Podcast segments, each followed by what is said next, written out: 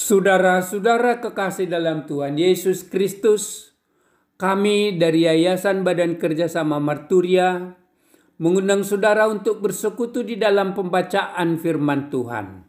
Kita mulai dengan menyanyi dari buku Ende nomor 94 ayat 1 dan 3.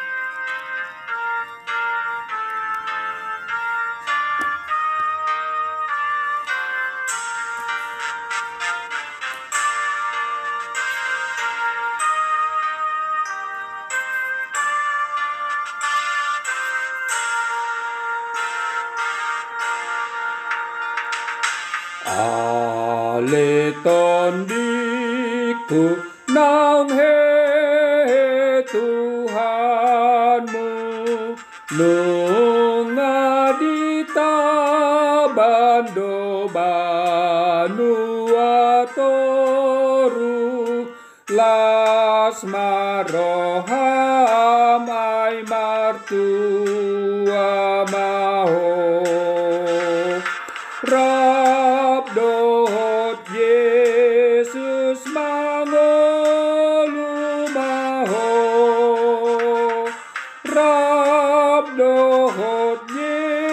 Yesus mangolu maho.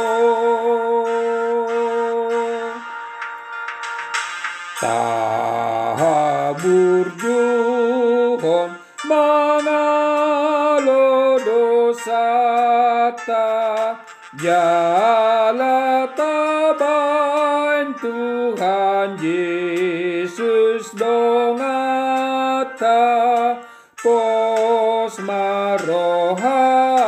tadi tuhatai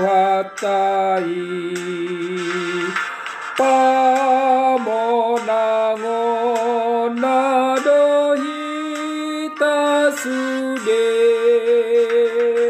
pamonango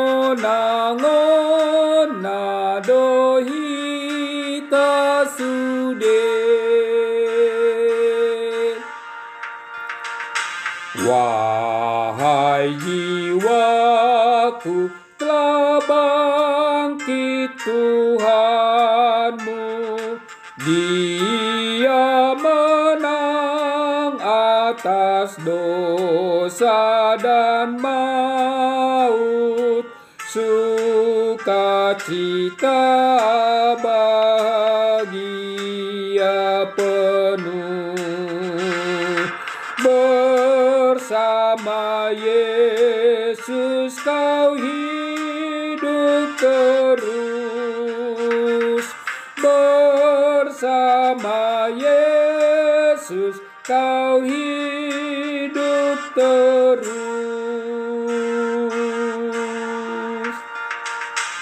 Bersama Yesus kau hidup berjuang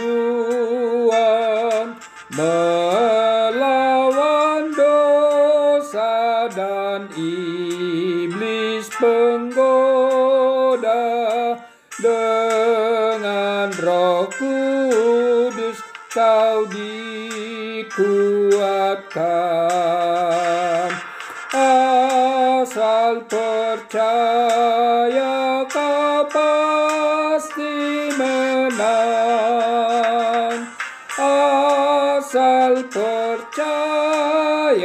kau pasti menang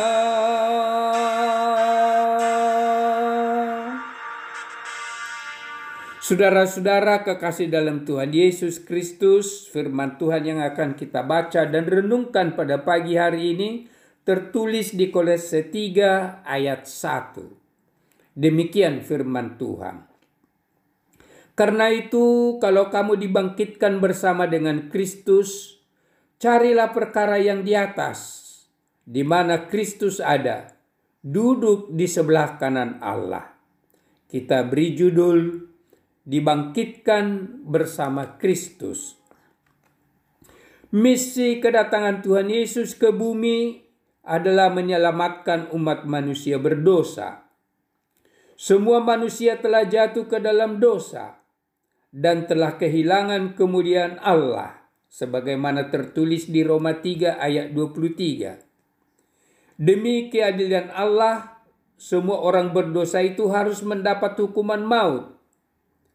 Tidak ada lagi manusia yang bisa menyelamatkan dirinya dari hukuman maut.